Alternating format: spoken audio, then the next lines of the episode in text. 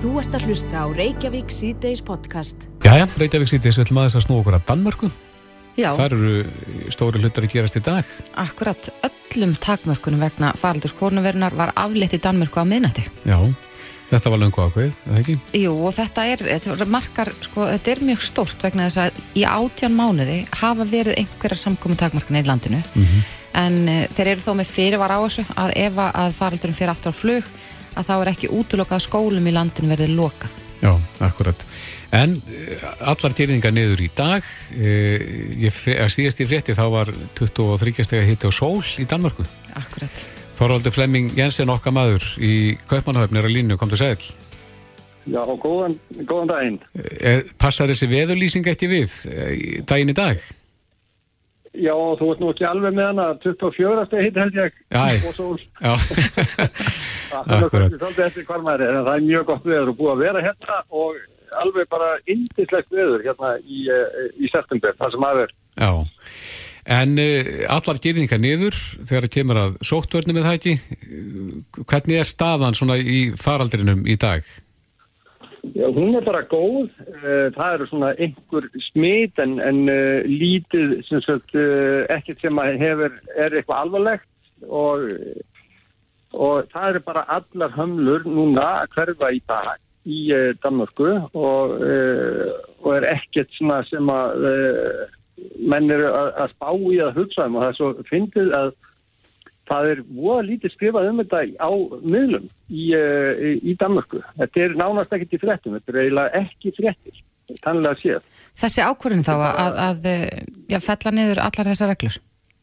Já, sko, það var talað um ákvörðuna þegar hún var tekin, en eins og til dæmis í dag, er, það er orðið svo bara mikið sko normal ástand hérna í Danmörku, að menn er eiginlega bara hættir að hugsa um uh, kórona sem eitthvað, eitthvað, sko, stór mál. Akkurat.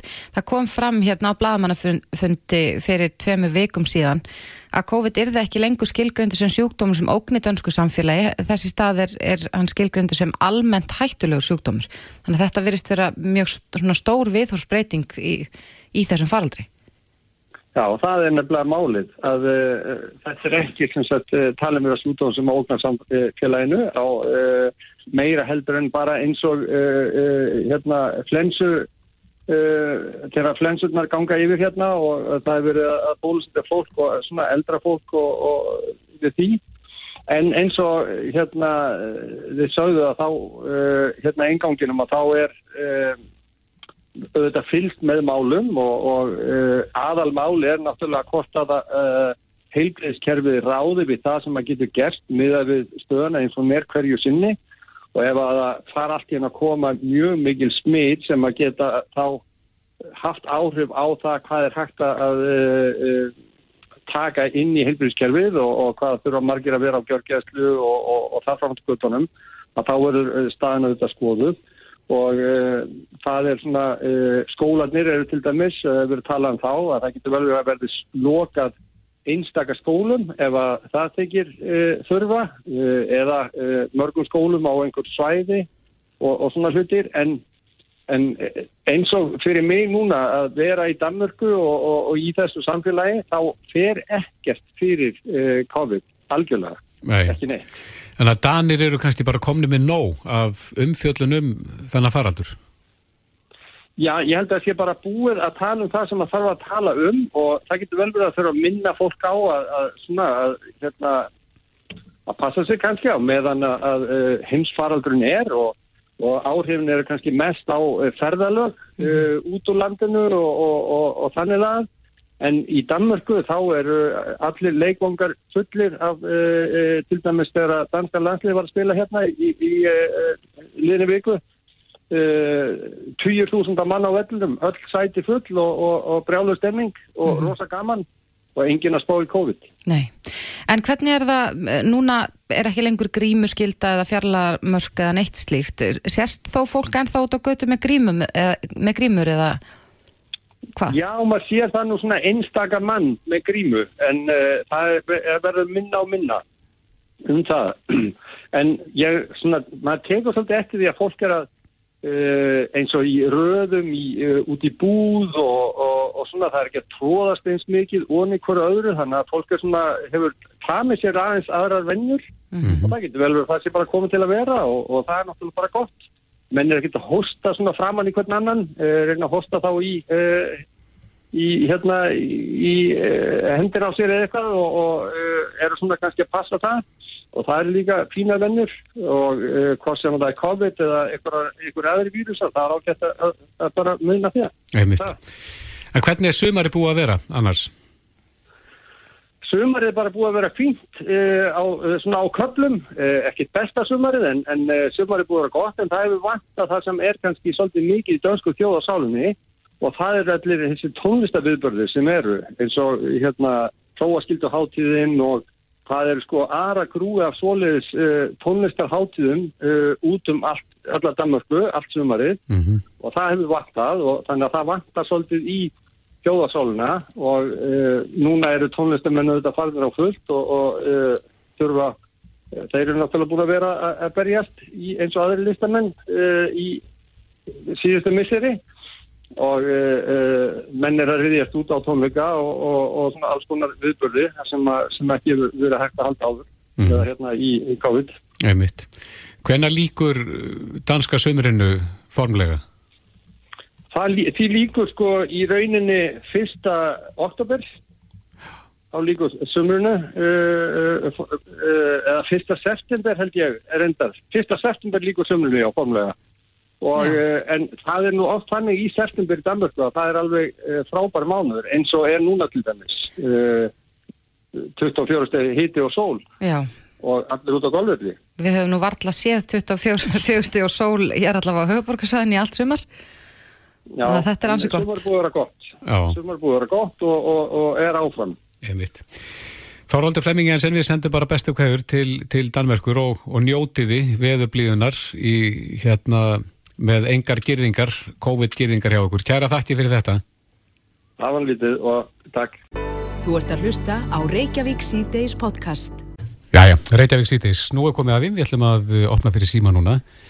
Hann er sestur hjá okkur Guðmundur Franklin Jónsson, velkomin. Takk. Þú ert formaður Já. sem að býðu fram fyrir þessa kostningar. Já, við öllum kjördamum. Já, þú hefur nú komið hérna til okkar áður og farið hans yfir stefnumálin en nú er komið að hlustendum að uh, fá að spyrja þig. Já, það verður gaman að svara öllum spurningum. Mm Og símanúmeri 567 11 11 er eftir einhverja bíða. Þið getið slegið á þráðin ef þið hafið spurningu fyrir hann Guðmund Franklin. Góðan dag. Já, góðan daginn, Fannar Eifur, heit ég. Sæll. Sæl.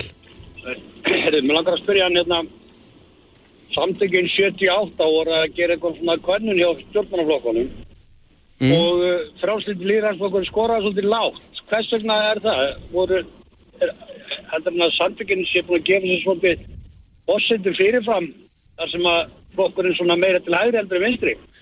Nei, nei, við erum ekki kannski mikið meira til hægrið eða vinstri, við erum hann í miðjunni, en við fengum spurningalista og við sögðum við á uh, að þetta var nýtt frambóð og við kannski værum ekki alveg búin að mynda okkur stefnum þessi mál, en við sendum þarna mann inn sem var mjög vel tekið inn á kynningafönd hjá þeim.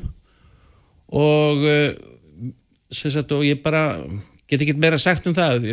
Akkur við vorum ekki teknið með en við svörum ekki einhvern spurningum og það var kannski okkar að kenna. Að en við erum að auðvitað náttúrulega pössum upp á þessum alveg svo aðri en við vorum ekki menna sérstaklega stefnu fyrir samkynnaða Já. Og næsti lustandi, góðan dag. Já, góðan daginn. Hver er þar? Það er ekki að lækka. Ég heiti Guðrún. Sæl Já, Guðrún. sæl.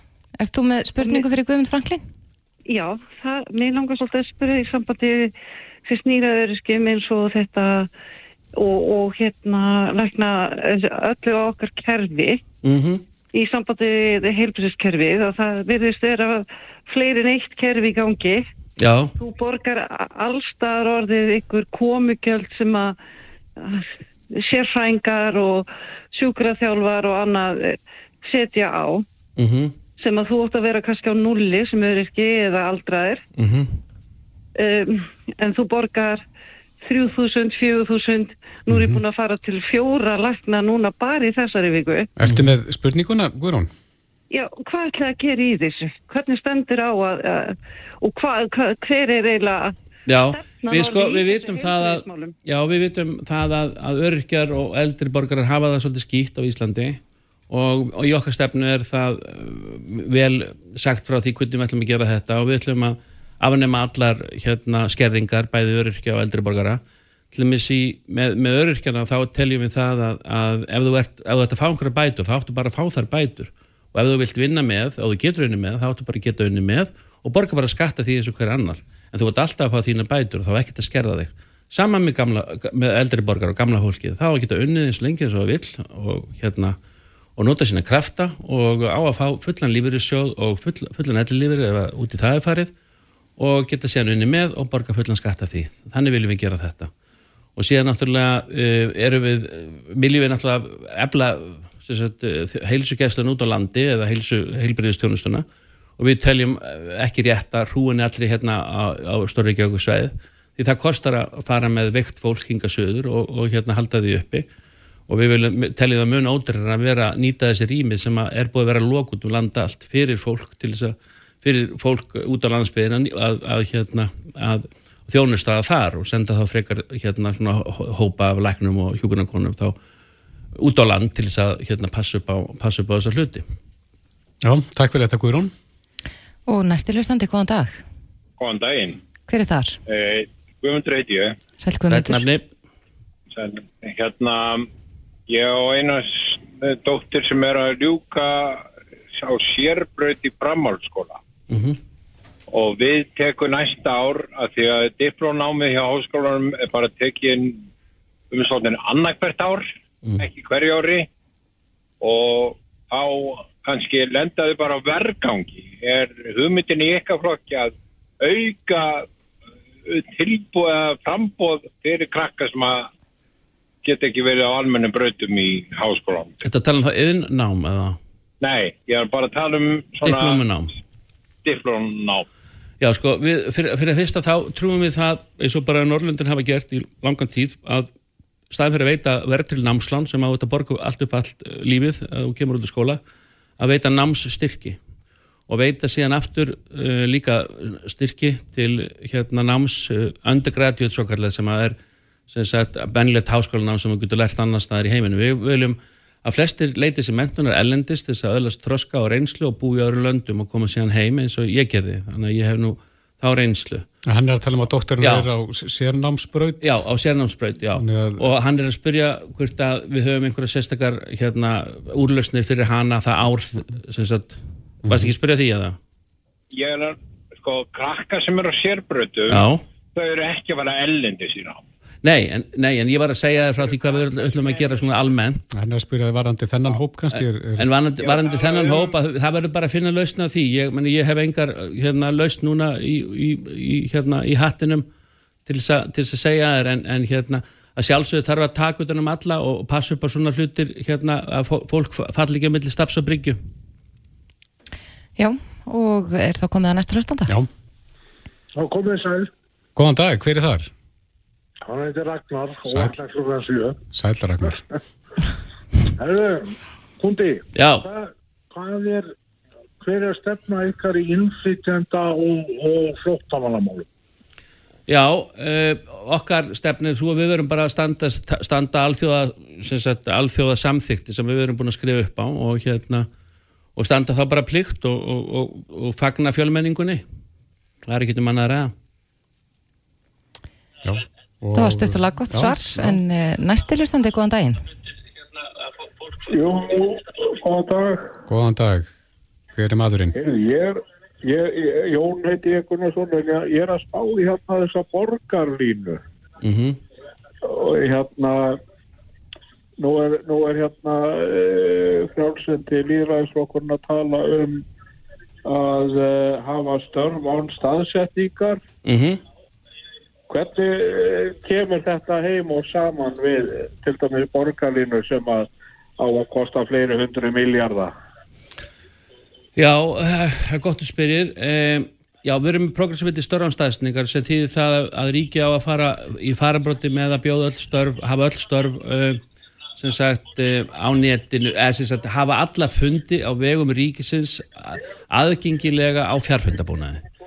Og sama með námsmenn þannig að þú getur verið í háskólanum í háskóla Íslands og búið á Húsavík og þú getur þá unnið hjá fiskistofu og búið á neskustad og, og, og, og og þetta náttúrulega sparar eh, gríðarlegar upphæðir bæði í, í samgöngum og, hérna bensíni og sköttum og, þetta gerir rauninni borgarlínuna óþarfa. Ef þú mingar trafíkina og, og mingar sagt, ef þú dreifir, sko dreifð byggð er alveg jafn góð eins og þétting byggðar. Ég er búin að tala um þetta ansi oft. En vil ég semst ekki borgarlínu þá? Nei, við viljum alls ekki borgarlínuna hún, hún kostar um 200 miljardar og þetta er, þetta er skattfér og við teljum skatt, þessu skattfér betur borgið í hérna til dæmis eins og heilbríðskerfið þannig að þið myndir leggjast gegn mentamálin. Já, já, alveg 100% alveg, við viljum ekki sjá borgarina vegna þess að hún gengur ekki upp. E, þú, ert, þú ert að vera með einhverja stoppustöðar hér og þar um bæinn.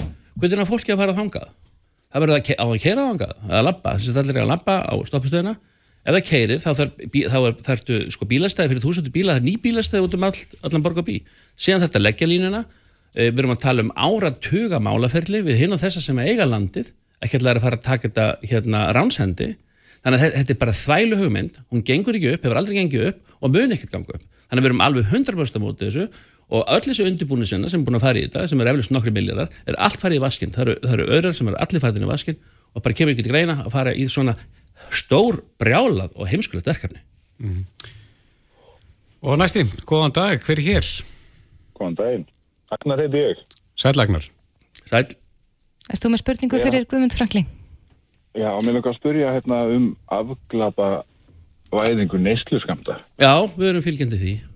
Við, okkur kemur bara ekkert við sko hvað fólk gerir hvort í Sefniberginu niðin í bílskur að er reykja þar skil. Þannig að við...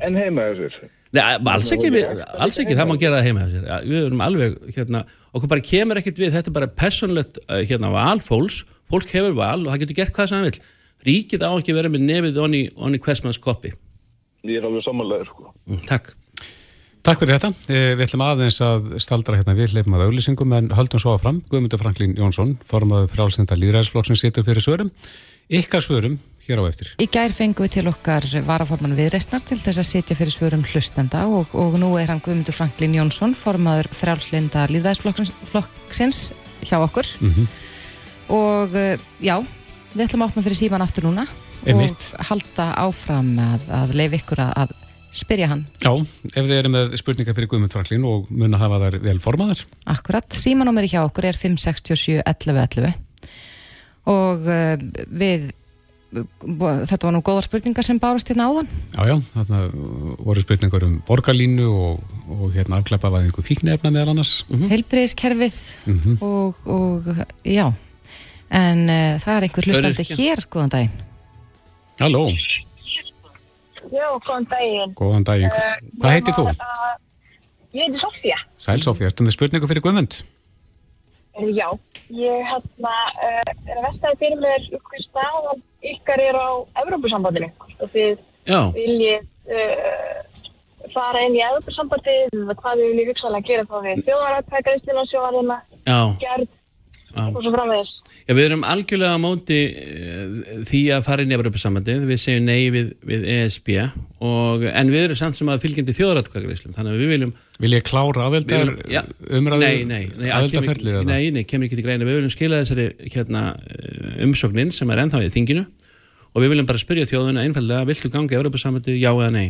Mm. og við viljum líka í sömu þjóðratkvæðgreislu, viltu vera í Schengen, já eða nei? Og viltu vera í NATO, já eða nei þannig að bara leifa fólki að taka ákvörðin í eitt skipti fyrir öll hvort þú viljið allir þessar hluti Já. og hætti að rífast um það En hvað með gjaldmiðil?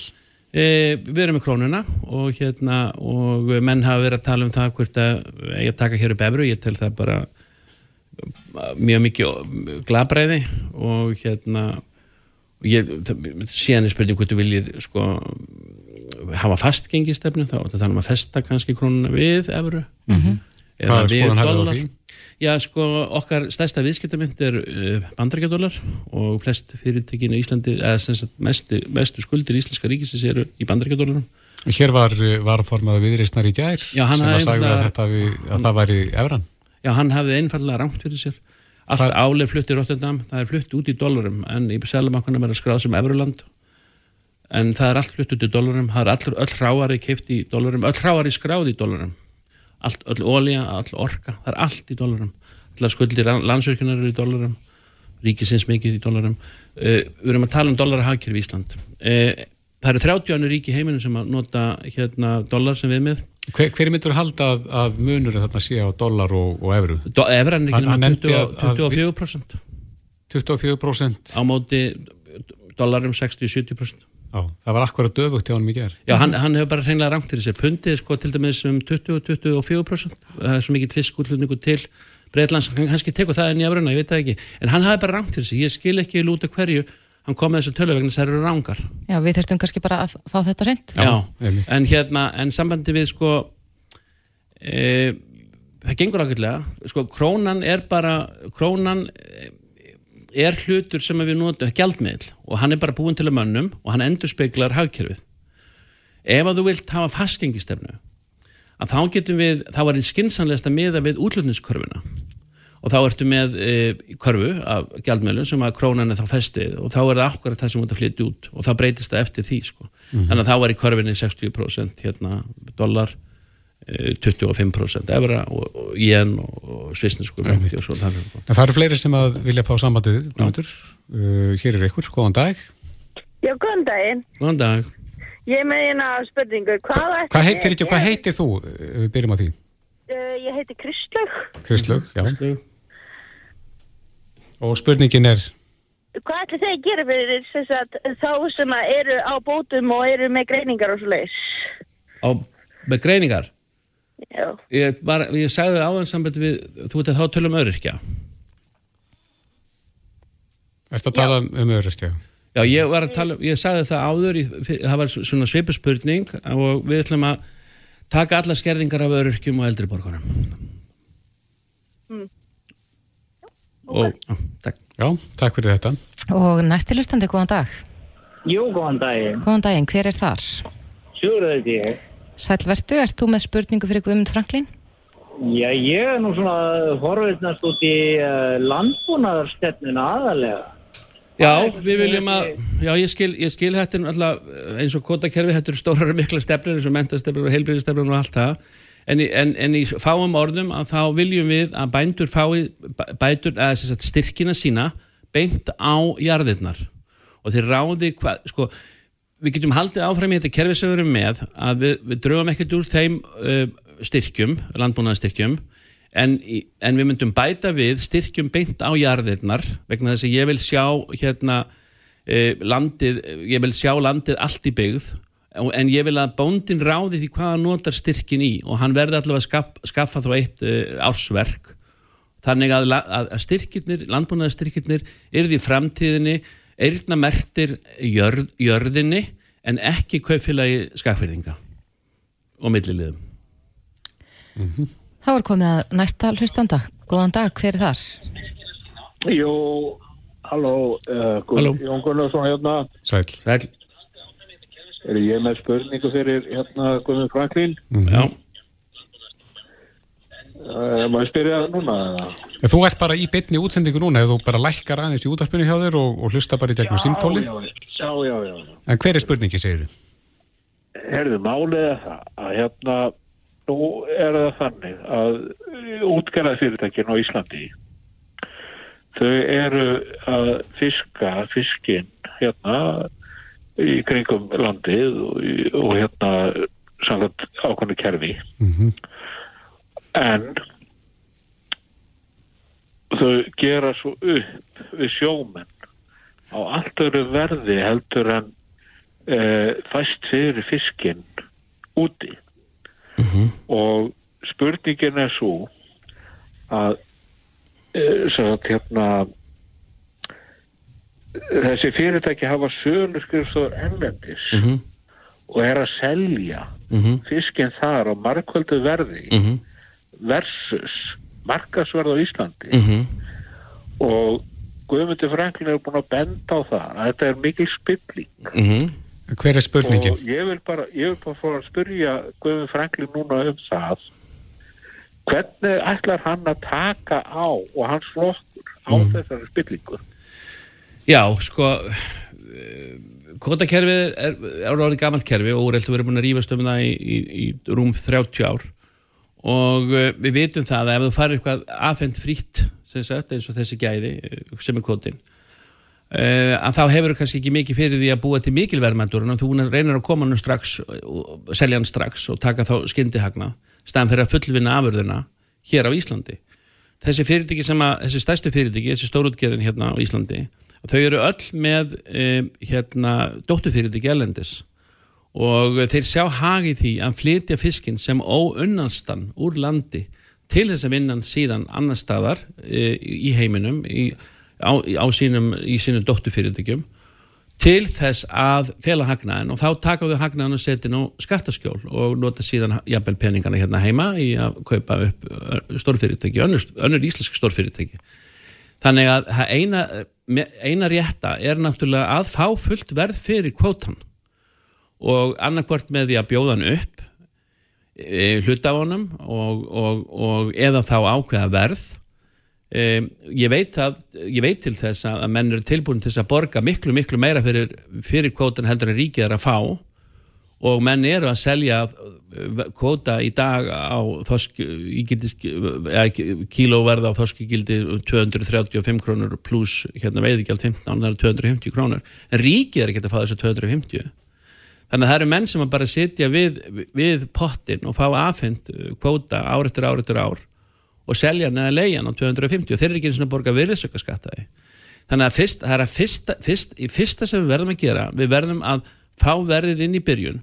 Ef einhver kaupir eitthvað á 250 krónur kílóið að þá, stæðin fyrir að fá það á 15 krónur eða hvað sem hann er að fá það á í dag að þá verður hann að fullvinna ráefnið meira í landi til þess að fá virðisaukan og það myndi þýða það að minna þessum fiski færi beint rátt úr landi og unni meira hérna heima Já, takk fyrir þetta og uh, þá er það bara næst í hlustandi Góðan dag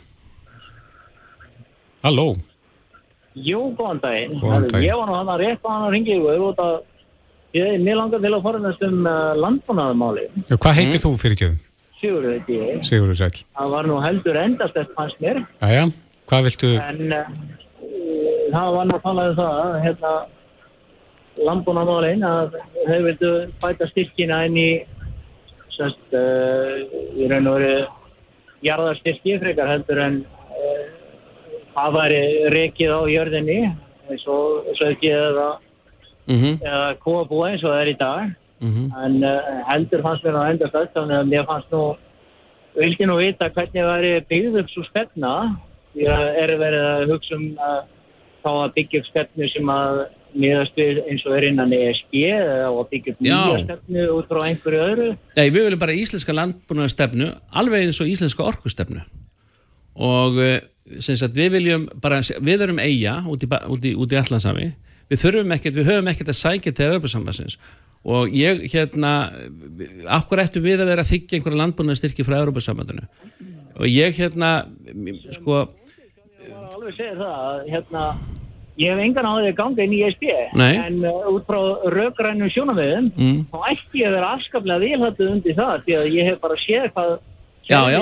og allt er miklu öðvöldar og einfaldar Já, já, við, við verðum að, sko, það er bara búið lengt og ljóst, við erum að vinna því að koma okkur í Európa-sambandi. Alveg frá 1996, þegar Finnur Ingólfsson gerði fyrsta orkupakkan, e, viðreist viðgangi Európa-sambandi, þeir þykist vilja breyta kvótamálunum til dæmis, en þeir vita það að við þurfum að taka upp European Common Fisheries Policy.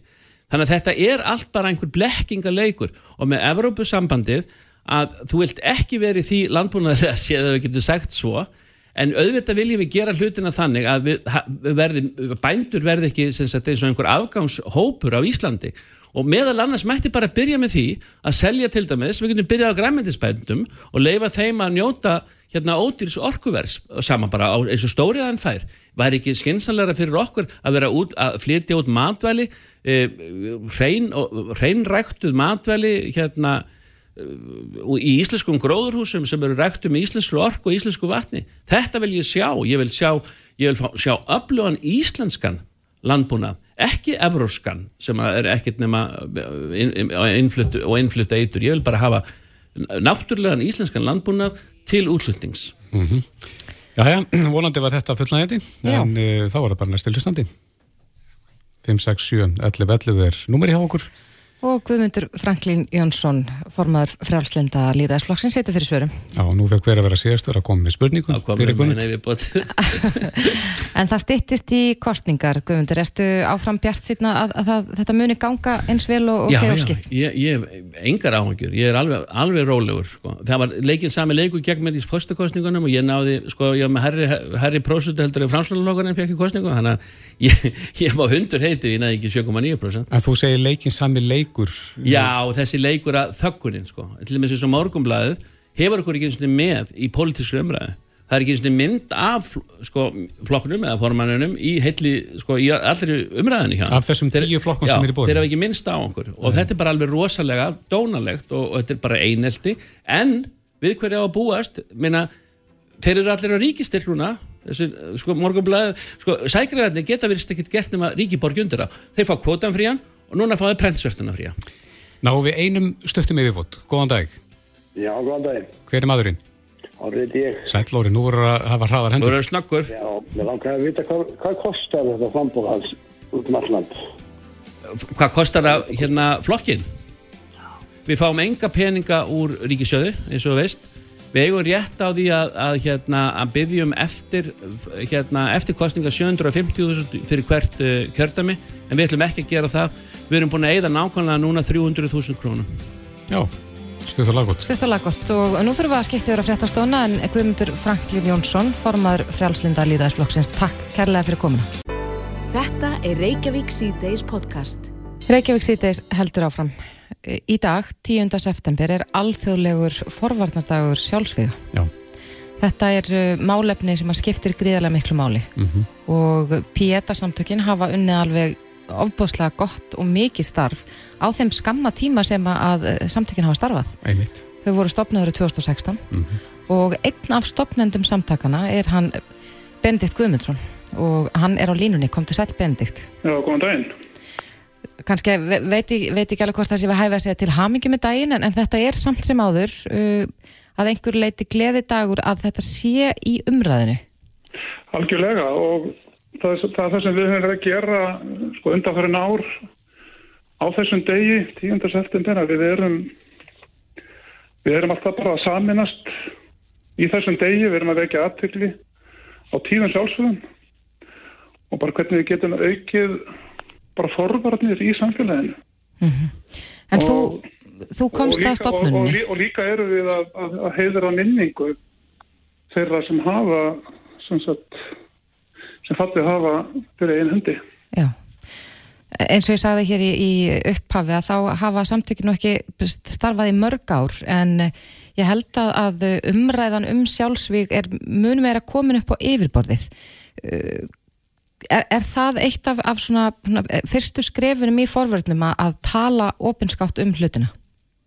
Algjörlega. Ég uh, misti svon minn 2006 og á þenn tíma var ekki mikið talað um, um sjálfsík og við fórum á stað bara aðstættendur næsta árinu eftir og við bara fórum í vittöl og í blöðin og og bara svona hægt og rólega þá stækkar hópurinn þetta að verða fleiri meðvitaður um þetta mm -hmm. bæði, bæði stjórnvöld og, og bara allskynns fyrirtæki og einstaklingar og, og því meira sem við tölum um þetta því bara betur getur þau staðið okkur í því að hjálpa fólki mm -hmm.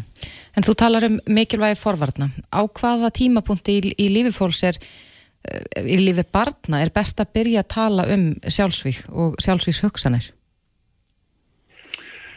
Sko ég ætlum ekki alveg að hafa skoðan af því en við getum byrjað á til dæmis bara krökkum sem eru í grunnskóla. Við getum byrjaði að kenna þeim þrautsegi, við getum byrjaði að kenna þeim tilfinningar, hvernig líður þeim, hvernig líður þeim heima, hvernig líður þeim í skólanum erum við að takast á við einhverju výmöfna vandamál. Við getum byrjað miklu fyrr og við þurfum ekki alltaf að tala um sjálfsvík eða sjálfskaða. Við þurfum að bara kenna börnunum okkar að, að, að tala um tilfinningar og, og segja það upp átt. Mm -hmm. En já, nú er títt rætt um þessi málefni. Er að þínu mati, þú hefur sjálfur reynslu af að hafa mist barn fyrir einhendi. Er stuðningur við fjölskyldur nægilega mikill þegar að slíka áföll eiga sér stað? Hann alltaf er aldrei nógu góður en, en það, það er þema dagsins, það er sagt, þessi alþjóða sambönd sem hafa gefið út þema dagsins er það sem kallast post, postvention eða hvernig við getum aðstofað aðstofendur að sirkildi sem hafa mist og við erum alltaf erinn að gera betur og, og Píata-samtíkin eru með stuðnishópa fyrir aðstofendur að sirkildi sem hafa mist og við erum líka með stuðnishópa fyrir, fyrir aðstofendur sem eiga einstaklinga í sjálfsvíshættu mm -hmm. og til dæmis núna erum við að fara að byrja á Akureyri með svona stuðnishópa sem við erum að kynna hérna á Akureyri í dag Já, en hvað mætti gera betur varandi þennan stuðning þegar þessi áföld inn í yfir? Ég held að við þurfum bara að vera meðvitið um það við þurfum öll að að bera ábyrð, við þurfum öll að stíga fram við þurfum öll að, að bara hjálpa við þurfum að hjálpa fólkinu sem er að fara í gegnum þessi hérna, þessi erfuleika við þurfum ekki að óttast það. Við þurfum að kenna fólki að, að, að treysta hvort að öðru tala við vinsinn eða vini eða fóraldra eða sískinni mm -hmm. og, og, og bara það er, það er hægt að fá mikla hjálp bæði eh, hérna eins og hjá okkur það er komið mjög góð samtökja hafnaður sem það sorganist en það er aukinn þjónast að heilríkjastanir þetta er, þetta er alltaf koma svona skref fyrir skref en við getum alltaf gett betur En Bendit, hver finnst þér svona helsta breytingin hafa verið á þessum fimm árum síðan að PETA samtökin voru stopnið? Ég held að það sé bara um, þessi opna umræða. Það hefur, það hafa uh, sko forvarnar samtök sprottið upp eftir að við stopnum nokkað samtök og það er orðið miklu meiri samvinna á milli. Það er það, er, það, það fallega sem er að gerast núna það er alveg svo mikil saminn á milli forðarsamtaka þannig að það vísa hver á annan og þau hjálpast alltaf að. Þannig að það er það er svona eitt af jákvæðstar sem er að gerast mm -hmm. og uh, það, það er nú hjálp fyrir þá sem eru kannski að glýma við þessar hugsanir er það ekki, þessar sjálfsvíks hugsanir Jú, við erum með sko eins og Píta Sandveikin, við erum alltaf með sko neyðar síma, eða píeta mhm. síman sem er ofin allan sólarningin. Hvað er númerið þar? Það er 552-2218 mm -hmm. og þar getur fólk hringt inn og fengið, fengið aðstóð. Síðan erum við með viðtöl nýra Baldurskötu 7 og, og líka eh, aðastræti 14 á Akureyri. Það sem við tökum móti fólki í viðtöl og við erum með gjald frá þess að þjónustu. Mm -hmm þannig fólk þarf ekki að greiða fyrir þjónustuna. En við erum með allt, allt eru faglegt fólk sem er með sagt, starfsleifi frá landlækningsanbættinu og þannig að það er allt fagfólk sem tekur við til. Mm -hmm. En eh, já, það hefur mikið gerst á þessum stuttatíma og samtökinn hafa vaksið greiðarlega hratt. Eh, eru þið með tölur yfir, yfir sagt, hversu mikil aukning í þjónustu samtökana hefur verið bara á, á, undanförnu? Sko hún er náttúrulega bara gríðarlega mikil og til dæmis bara júlimánuður það voru ég veit ekki hvaða var sko ég held að það hefur verið 120% aukning frá því fyrra mm -hmm. Og það voru að koma uh, tæmlega hundrað nýjir einstaklingar sem voru að koma til okkar í sagt, meðferð þannig að. Þannig að þetta, þetta er svona, já, það, það er að aukast mjög mikið hjá okkur sagt, álægið og húsnaðu okkar er náttúrulega orðið lítið en, en þetta tekst með frábæri stafsfólki og, og sagt, mjög góðan skilningi frá svona okkar styrstaraðalum og íslensku þjóðinni sem hefur náttúrulega staðið mest með okkur og best. Mm -hmm. En eh, er það ykkar svona tilfinning fyrir þessu að, að vandin sé að, að aukast eða að, að fleiri séur hennilega að leita sér aðstofar? Sko ég held að bara það er svona miklu meiri umræða um um hérna þunglindi, vanlíðan uh, unga fólkið okkar hefur meiri aðgang af, af hérna samfélagsmiðlum. Þannig að það er uh, það er meira að gera, það er meira álag. En við þurfum líka að líta til þess að það, við erum alltaf í COVID-ástandi, það er búið að ganga erfilega hjá mörgum í, í skólanum og eins og, og hefur gæst fólk misti vinnuna og, og við alveg fundum alveg fyrir því og, og það hefur til dæmis komið mikið til okkar af ungu fólki sem að, sem að átti mjög erfitt í COVID vegna, vegna vandamála í skóla. Já, og þá kannski líka vegna allar þessara samkomu takmarkana þar sem að fólk kannski einágraðist að ykkur leiti. Algjörlega og og við fundum það líka bara hjá þessu unga fólki sem að fannst og finnst gott að fara í skólan að það fann fyrir mikillir vanlíðan að, að, að geta ekki átt samskipti við, við annað fólk mm -hmm. og svo líka þessi hópur sem að finnst erfitt að fara í skólan þeim fannst líka mjög gott bara að vera heima og geta læst þannig að það voru ymsla byrtingar myndir á þessu mm -hmm. og eru En er, er einhver ákveðin hópur sem að leitar mest til ykkar? Það hefur oft verið talað um eh, til dæmis unga karlmenn í, í þessu samingi. Sko það er, það er mjög erfitt að ná til ungra karlmanna og þeir, þeir hérna, þeir eiga erfiðar heldur en stelpunar að, að, að tjá sig og koma. Mm -hmm. En það hefur verið sko mjög góð vakning þegar við byrjum, það var skiptingin svona cirka 70 konur og 30% kallar. Í dag er þetta orðið bara nánast jæmt sem er mjög ánægilegt að, að strákarnir eru fannir að skila sér meira. En stæsti hópurinn okkar er þessi 18-27 ára og síðan bara er þetta alveg upp í bara eldra fólk, bara 80-90 ára gammal fólk sem er að koma til okkar. Mm -hmm. En svona í tilefni dagsins að þá eru, er það ekki viðburðir viða um land og, og uh, minningarstundir eða sér stað í dag? Já, erum, það eru svona kyrðastundir bara viða, ég er nú ekki alveg með lista yfir það en það er til dæmis í Domkirkjunni í Reykjavík, er klokkan 6 í dag.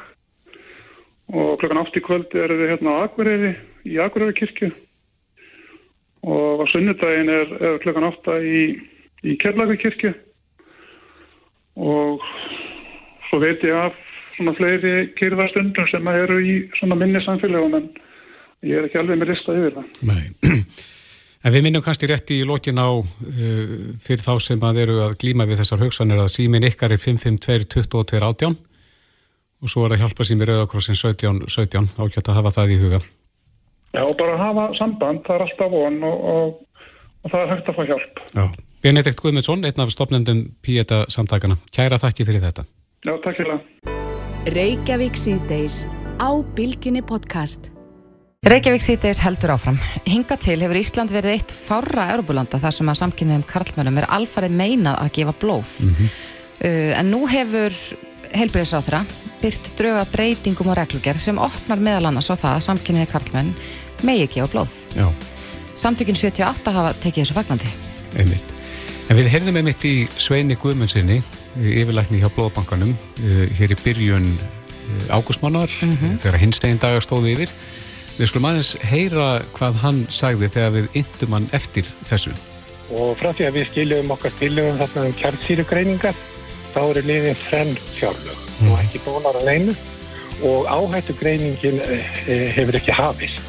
Þannig að heilbíðsefjöld þegar oft er vísa spurningum til okkar um þetta mál það er bara allt í lagi að fólk ræði líka við helbiðsjöfut um hvað það hefði alltaf sér þessi vegferð sem hafinn var 2018 hvort að það sé ætlinn að halda áfram að þeirri vegferð og, og hlýta ráðum fag, fagaðila.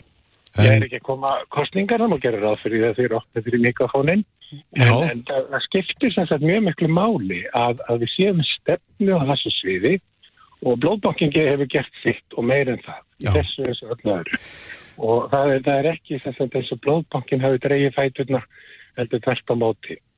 Það þurfa svolítið að fylgja aðtapnir með, með orðunum á halvu pólitíkus.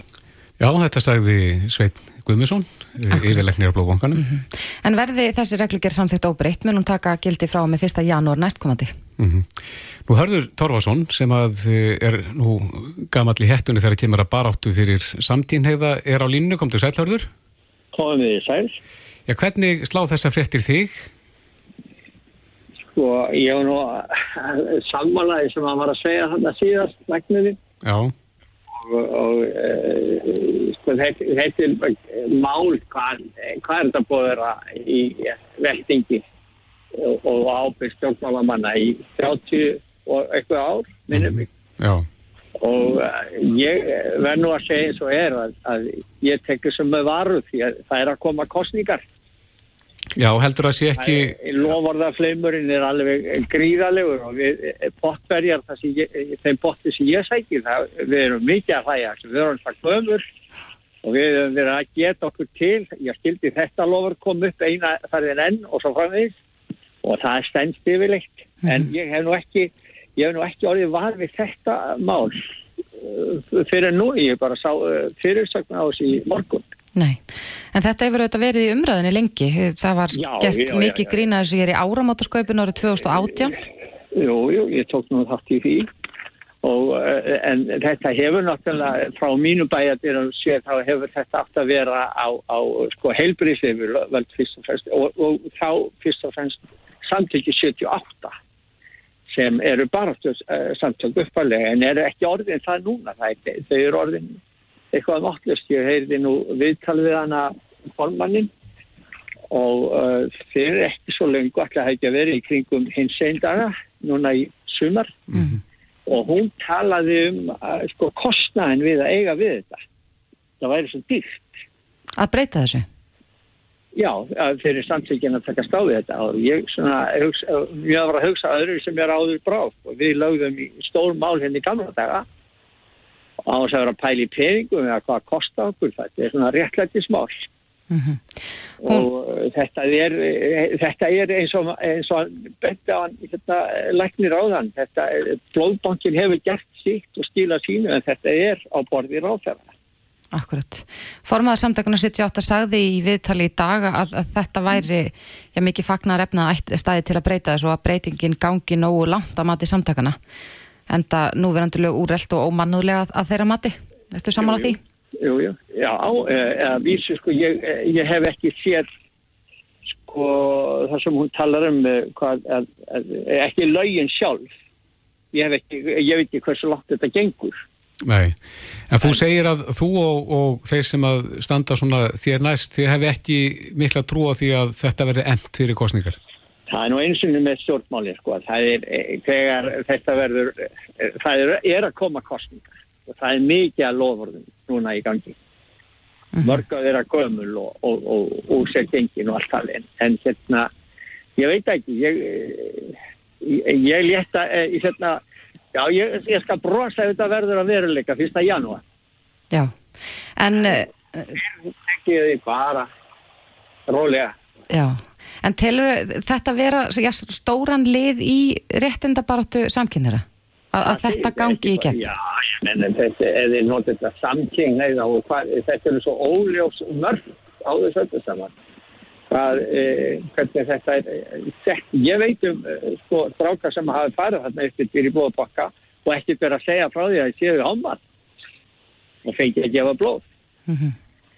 Já, og hafa þá, menn þurfa nú að svara þetta í einhverjum spurningum þegar það kemur að þessu? Hafa, menn, hafa menn þá svara það bara ránt til að bladi eða? Ég, eh, nú skal ég ekki segja, ég spurði ekki um það, þetta er svo langt síðan ég gaf blóði, mann ekki fyrir þetta var gert, hvernig það var staðið að þessu. Nei. En, en ég þótti það miður að það hægt að blóð, blóðgjöf eins og mann gerði árlega. Mm -hmm. Ef að þessi breyting, já, verður af henni, fyrsta janúar, myndu... Já mæta neyri blóðbanka og, og gefa blóð sjálfur? Fá aftur að gefa blóð? Já, já, það myndi gera, fá kaffa og kökur. Já. Ef það er eins og það er gamla dagar, sko. Já, akkurat, ég held að það hef ekkert breyst í því. Nei, eh, það er gaman að koma þetta og, og, og góð tilfinning að maður geti lagt eitthvað að mörgum. Já, akkurat. En uh, hörðu Torfa, þú uh, fagnar fyrsta janúar segiru ef af þessu verður en, en tekur þessu með, með varuð þessu lofarði? Eins og allir sem stjórnmálamönnum kemur. Já, hörðu, hörðu Torfarsson, kæra þakki fyrir þetta og góða helgi. Sjöfnulegu, takk fyrir það. Reykjavík síðdeis á bylginni. Reykjavík síðdegis á bylginni, það bárust fréttir að því, það er endar komið frá umhverjastofnun að uh, karlmenn, eða það er sér sæðisfjöldi uh, hjá karlmennum, hafi dreigið saman og, og muni vantilega gera það í framheldur sem horfir, svo um munar og, og að uh, sæðinu muni, já, ég segjum ekki, sæðinu muni degi út, en svona að það muni hverfa. Já, það kom fram í, í eh, já, málu umhverfstofnunar að sæðisfrumur mög, verði mögulega nær alveg horfnar árið 2045 en við töluðum nú í gær við uh, fulltrúa umhverfstofnunar Einmitt. Sem sagði að það væri ekki af sent að snúa sér þróun við Og þannig er um að ræða þráverkum efnum sem er að finna í ýmsum uh, vörum og efnum sem við notum dagstæðlega. Það eru snirtifur og sjampó og málning og annað slíkt. En það er spurning hvort að þeir sem að uh, starfa við þetta dagstæðlega eru í því, jafnvel, að, að telja sæðirfrumur, Mhm. uh, hvort að þeir verði varið við þessa þróun líka. Já. Á línunni hjá okkur er Snorri Einarsson, yfirlæknir hjá Livjó. Kom til sæl, Snorri. Komið sæl. Já, þið uh, óskið eftir sæðistjöfum annars lægið og er að fá til ykkar bæði kalla sem að gefa sæði og, og síðan egg, en uh, þið, og þið rannsætið sæðið ítalega áður en að það er notaðið það ekki. Jú, það er rétt. Við hérna könnum bæði fjöldaðira og svo bara hversu, hversu góði sundmenn þessar frumur eru og hversu færar þar eru að, að sinna hlutverki sína. Og, og hvað segja já, ykkar greiningar? Er það í takt við það sem við heyrum í fréttum um að, að sæði verði mögulega horfið innan já, nokkur áratuga? Sko ég lít svo á að, að umhverfstofnun sé að gera bara mjög góða hluti með því að við ekki aðtiklega þessu máli og það er e, þekkt að það hefur mikið sko breyst e, fjöldi sáfrumna í e, sáláti karla á undanförnum áratögum og það er kannski, ég lít svolítið á þetta meðvitund um þessi eiturefni í umhverfinu og óæskilega áhrif efna sem að kannski enginn hefði átt að segja á að væru skadleg að uh, þessi uh, sko, meðveitundarvakning sem að að standa fyrir er mjög þarf en það er aftur um þetta ekki þannig að uh, við upplöfum að sáþörfum sé að verða útöðar og, uh, og, og, og þetta er kannski svolítið svört mynd sem er dregin upp Einmitt, en, en, uh, og þið sjáuð ekki ykkur að þróun svona hjá ykkur að, að sæðisfrumum uh, fækkar, svona í ykkar sínum. Eh, sko, við hefum kannski ekki verið að halda neina sérstaka statistíki yfir það í þessum tilgangi. Nei.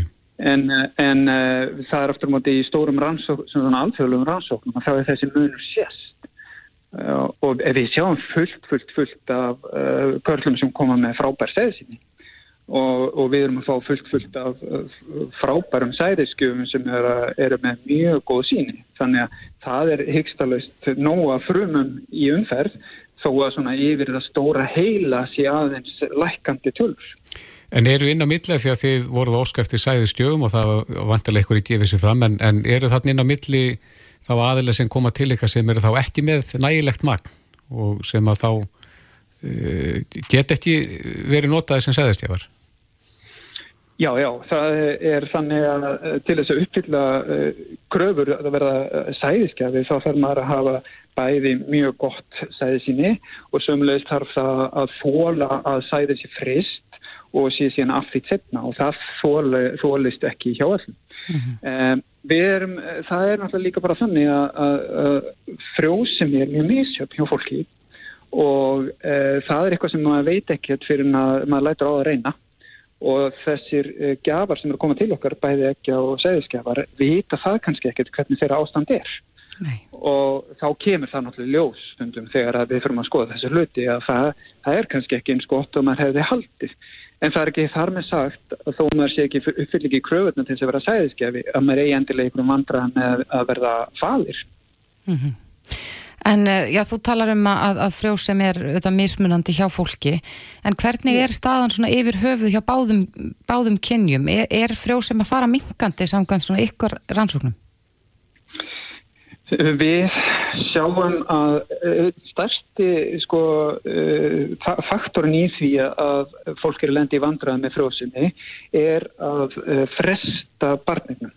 Af því að aldur, eins og ég vona að flestir viti, hefur gríðarlega mikil áhrif á frjóðsynni sérstaklega hvenna. Og þannig að það að býða langt yfir þrítugt getur haft tölurverð áhrif á möguleikuna eignast hann fjölda batna sem maður hefur áhuga á. Mm -hmm.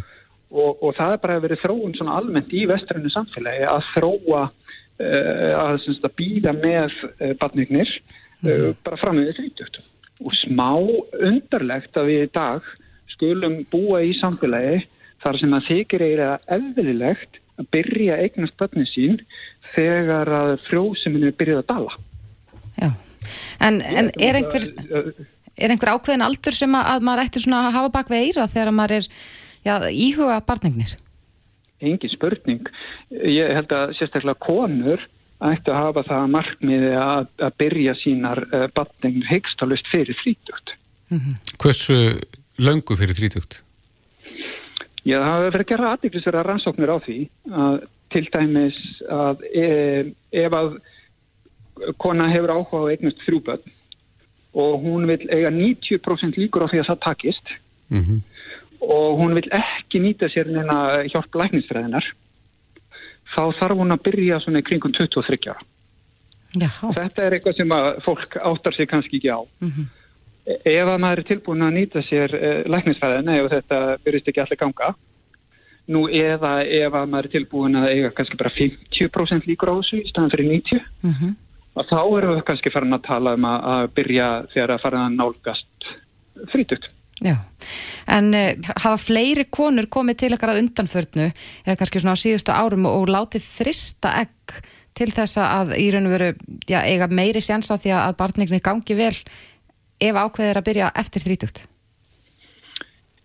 Já, það er aðeins vaksandi mm. og, hérna, og, og getur bara verið skynnsamlega ákveðun en auðvitað mælum við alltaf með því að, að bara byrja batningnunar sem fyrst, það, það er okkar mati besta leiðin. En síðan eru bara aðstæður uh, fólks mísjarnar og við bara höfum skilning á því og reynum að aðstofa eins vel við getum með það má mm -hmm. Svona rétt kannski aðeins í lokin fyrir þá sem að vilja reyna þetta eftir náttúrulegum leiðum. Jó. og svona kannski þá helst með, með fókus á, á kattmannin Já Ef að maður vilja auka líkurnar á, á því að getnaðurinn takist, er betra að spara sig í eitthvað tíma áður en að, að verkjunu kemur? Eh, sko, sæðisframleista kallmanna er alveg mögum. Það er svona talað um að uh, það myndist um það byrjum 1500 sáðfrumur uh, fyrir hvert skipti sem hjartaslæðir. Mm -hmm. Þannig að það, það er mikil framleista og hún er stöðug og það, við sjáum það að það er við skoðum sæðisini að þá eru bestu niðurstöðunar ef það líða svona 2-3 dagar á milli sálótana. Mm -hmm. Já, þá er það þá, þá ferskast og sprækast? Já, þá er eh, magnið gott mm -hmm. og það er ekki búin að býða það lengi að það hafa orðið slappar af því að, að býða. Og það leiðar á að býða? Já, það getur orðið það. Sko. Já, akkurat. Það var gott fyrir þá sem er að íhuga barningnir að hafa þetta bakveirað. Snorri Einarsson, yfirleiknir hjá Livjó. Kæra þakki fyrir þetta og góða helgi. Já, takk fyrir sömu leiðis. Reykjavík síðdeis á Bilginni podcast. Reykjavík síðdeis heldur áfram. Það voru eflaust einhverjir Íslendingar sem voru vakandi í nótt að fylgjast með fyrsta leiknum í NFL. Já bandaríska fókbóltanum. Þetta er að verða vinsalla og vinsalla hér heima á Íslandi. Já, svo sannarlega. Svona, ég, ég, sko, ég þekkti ekki reglunar. Nei, ekki eh, heldur. En þegar maður er komin inn í hérna, leikin, mm -hmm. að þá stils mér þetta verði bara nokkuð stjæmtilegt. Já, við vitum auðvitað að, að sko, við höfum nú talað um Super Bowl Já. hérna í þessum þætti, þar sem að fólk er að hópast saman og, og fylgjast með, en, en eh, þetta sport er að verða vinsalla hér. Mm -hmm. Það eh, liggur í augum uppi. En uh, deiltin hófst í nótt og hinga til okkar er komin eh, Henry Birgir að ræða þetta. Kom til sæl. Komið sæl. Já, heldur, er þetta rétt hjá okkur? Er þetta aðstælka þess að hópur hér á Íslandi sem fylgist með bandarska fólk? Já, það er bara alveg horrið uh, með því okkur. Hann er að stælka gríðarlega mikið ár frá ári og við svona sem að stöndum að baki þessar umfjöllun hérna á stöðusport finnum það á hverju einasta ári að auðvitað er alltaf stemning í kringu Super Bowl og það er þetta mjög gaman að sjá hvernig það er stækkað á hverju ári. Og þetta er svona mikil matarkeppni í blandu að fólk að horfa, margir fara reyndar að sofa eftir hálfleiksýninguna bara lifi ekki meira af. Mhm. en einhvern síður uh, hafa áhuga. Og svo er annað sem að hefur svolítið breyst mikið er að uh, það, er þessi svo kvölduð fantasíleikir sem að fólk þekki líka á ennska boltanum og annað það er svolítið að velja í lið og safna stigum sem er svona, ég margir hafa nýtt sér sem svona frábæra leið til þess að koma sér inn í íþróttina, kynnast leikmönum, fara að fylgjast betur með og það eru hópar út um allt land, vinahópar sem að eru að keppa í þessu og þar að leiðandi ná alltaf fleirum og fleirum inn. Og svo þetta bara í takti við það höfum við á stöðu sport alltaf verið að auka okkar umfjöllun ár frá ári og síðustu ár höfum við sínt alla leiki í úrslitakefni, tvo leiki um hverja helgi og aukið umfjölluna jæmt og þétt. Og það er svo gaman að finna það hvað sko markhópurinn er að stækka ár frá ári sko. Erum við fannar að spila þetta hérna á Íslandi? Já, svo erum við að spila þetta, en alltaf gert það en svona með einhverjum hljöfum, en undanfæran ár hefur félag sem að heitir eh, Einherji eh, staðið svona eh, fyrir því að bara menn geti æft ameríska fótbolta á Íslandi og vera að keppa við erlend félag og svo er það starf sífælt stækað, það er komið fleiri félag þau eru farin að koma í yngri flokka núna í staðan fyrir bara rétt ná í eitt lið. Mhm. þannig að það er bara svona annar ángi að því sem við sjáum hvað það er að stækka, það eru fleiri og fleiri sem að vilja spila vera fannar að mæta á æfingar í amerísku fótbolta á Íslandi og það er bara virkilega ánægilegt En er til völlur? Já, uh, það er náttúrulega bara það er bara gott gerugræs sem er bara, er svo bara fótboltavöllur, þeir hæfa svo mikið bara inn í kórnum eða fyrir utan kórin eða einhvers annars þar sem er bara gerugræs og hægt að spila og það er bara Maður þarf semst ekki á, á hérna, uppsulun lagaða markinu eða því að halda. Já, ég er að fundi svona ákveðna lausnir á því, svona bráðabyrða og annað sko, til þess að eh, bjarga því og svo bara eiga menn svona mann að sapna að sér dóti fyrir línunar og merkingar og allt þetta. Svona komið í genum árun, þetta verður mjög skemmtilegt til að vera þeirra að vera að bjóða hennar liðum víða úr Evrópu og sem að hafa bara tekið vel í þetta og verið skemmtilega leikir, ég sé mikið að þessu og, og mælum að fólk prófi að kíkja á þetta, þetta er uh, virkilega gaman sko. En núna eru Tampa Bay Buccaneers, þeir eru mestrar uh, og er þeim spáð sigri áfram eða eru þeim með stert lið? Þeir eru með frábætlið, þeir eru með e, já, besta leikmann í sögu NFL-dildrarnar, Tom Brady sem leikstjórnanda, háaldrað maður, 44 ára gamall, sem er háaldrað í íþróttum Mhm. og það er ekkert eðlilegt, það er ekkert líkamlega eðlilegt við það að maður á þessum aldri skuli vera í hæsta gæðaflokki ennþá og í heimsklassa svona gammal, sko, lífaldur leikmann í NFL-deildinni er heilt yfir ekki nema eitthvað um 3,5 ár hann er hefðið tímabil nummer 21 Já. þetta er bara algjörlega fáheirt að, veist, það er eiginlega engin yfir veist, nema einhverju gæja sem að sparka Mhm. og veist, þurfa ekki að vera fyrir neinum höggum ná kannski 40-40 pluss en að leikstjórnandi sem að er almennt talið bara að vera svona erfiðasta leikstaða í öllum íþróttum Mhm. bara öllum það eru 32 lið í deildinni það eru miljónir bandaríkjamanna sem að stunda þetta og allir vilja vera leikstjórnandi í NFL-deildinni þeir eru ekki eins og frábærar allir þessi 32 sem komast að sko. það segir margt um hversu óbóstlega hæfileika þarf til þess að spila þessa leikstöðu Mhm. í þessari íþrótt En aðeins fyrir þá sem að vilja koma sér inn í þetta Mhm. og uh, svona grunnregluna, hvað þurfum við að vita svona til að byrja með? Já, grunnreglunar eru alveg ótrúlega einfaldar í uh, raun og veru bara, og hérna hefur bara fólk verið að fylgjast með það er í raun og veru bara færðu fjóra tilrunni til þess að komast tíu metra ef þeir tekst að komast þess að tíu metra á þessu fjóru tilrunum þá færðu bara aftur fjóra tilrunir Menn er að henda sér niður Já. með boltan í fanginu Mhm. uh, ef með missa boltan þá veldur ég að hvort að þeir náðun sjálfur einhverju þeirra liði að hitlið þá fær hitlið boltan eða stilur hún ef hann fer út af að þá heldur boltanum Mhm. Þannig að það er svona alls konar litla reglur en bara til að fylgjast með sko, gangi mála það er alltaf fyrsta tilraun og tíu svo sé svona fólk tveir og sex, já því þetta er önnur tilraun en þú átt sex metra eftir að því fórst fjóra fyrst. Mm. og svo kolla kolli og á einhverju tímapunkti og nærði yfir þessa tíu þá farið bara aftur fjóra tilraunir og reynar að komast í mark. Og ef þú uh, kemst alla leið í mark hlaupandi að, að senda hann þá farið sex stig. Ef þú sparkar að lengra farið farið þrjú stig. Og ef það er sjálfsmark farið tvö stig þetta er í sko, ég get útskipt þess að fyrir hverju sem er á tíu mínútum bara með að horfa á þrjáfæra sóknir til þess að ná þessu. Þetta er margir mikla þetta fyrir sig halda þetta sé, regluna sé rosalega flóknar og svona. Í grunninn er það mjög einfaldar og, og svo eru allar aukaregluna sem fólk bara læri svona bara með að horfa á en til þess að skilja leikin mjög auðvöld Já. þannig að ekki vera rætt við að prófa, bara alls ekki sko Akkurat, ég, ég byrði bandrækjum sem barn og, og þá byrjaði pappi minn að fylgjast með boltanum Mm. og uh, gerði það alla sína tíð og, og það hafði ára mjög erfitt að, að ná að horfa á þetta hér. Er staðan breytt? Er, er auðvelt að nálgast leiki? Já, já, já, mjög höfuld að nálgast við á stöðu sport sínum uh, tvo leiki alla sunda klukka 5 og svo klukkan hálf 10 á kvöldin og höfum gert og svo alla úslitakefnina og svo höfum við verið að auka í þjónustun okkar. Er að margir sem hafa mikinn áhuga á NFL þeir uh, kaupa sér svo kallan NFL Game Pass í gegnum uh, deildina sjálfa Mhm. og kaupa þá mennilega árs áskrift. Og núna ef þú ert áskrifandi að stöðtösport getur þú keift hennan Game Pass í gegnum stöðtöp.is og farðan í raun og veru ódýrri heldur en þú myndir kaupa hann beint frá úr kunni frá bandaríkjunum á nfl.com þannig að, og ég veit að margir eru þegar farin að nýta sér það, þannig að ef þú hefur rosalega gaman að NFL og vilt sjá meira þá getur þú bætt við og auka gennum stötu.is og hort á alla leiki, það er sér sjónvarstöð það er fullt af þáttu sem eru framleitir Mhm. og getur bara að flutta heimann í þrjár vikur og bara, hú veist, hort það er nóg af efni, sko En með hvað liði heldur þú, Hanni Birgir? Herði, ég e, sem ungum maður sem smá áhús byrja að halda með San Francisco 49ers og hef hérna gert eiginlega alla tíð.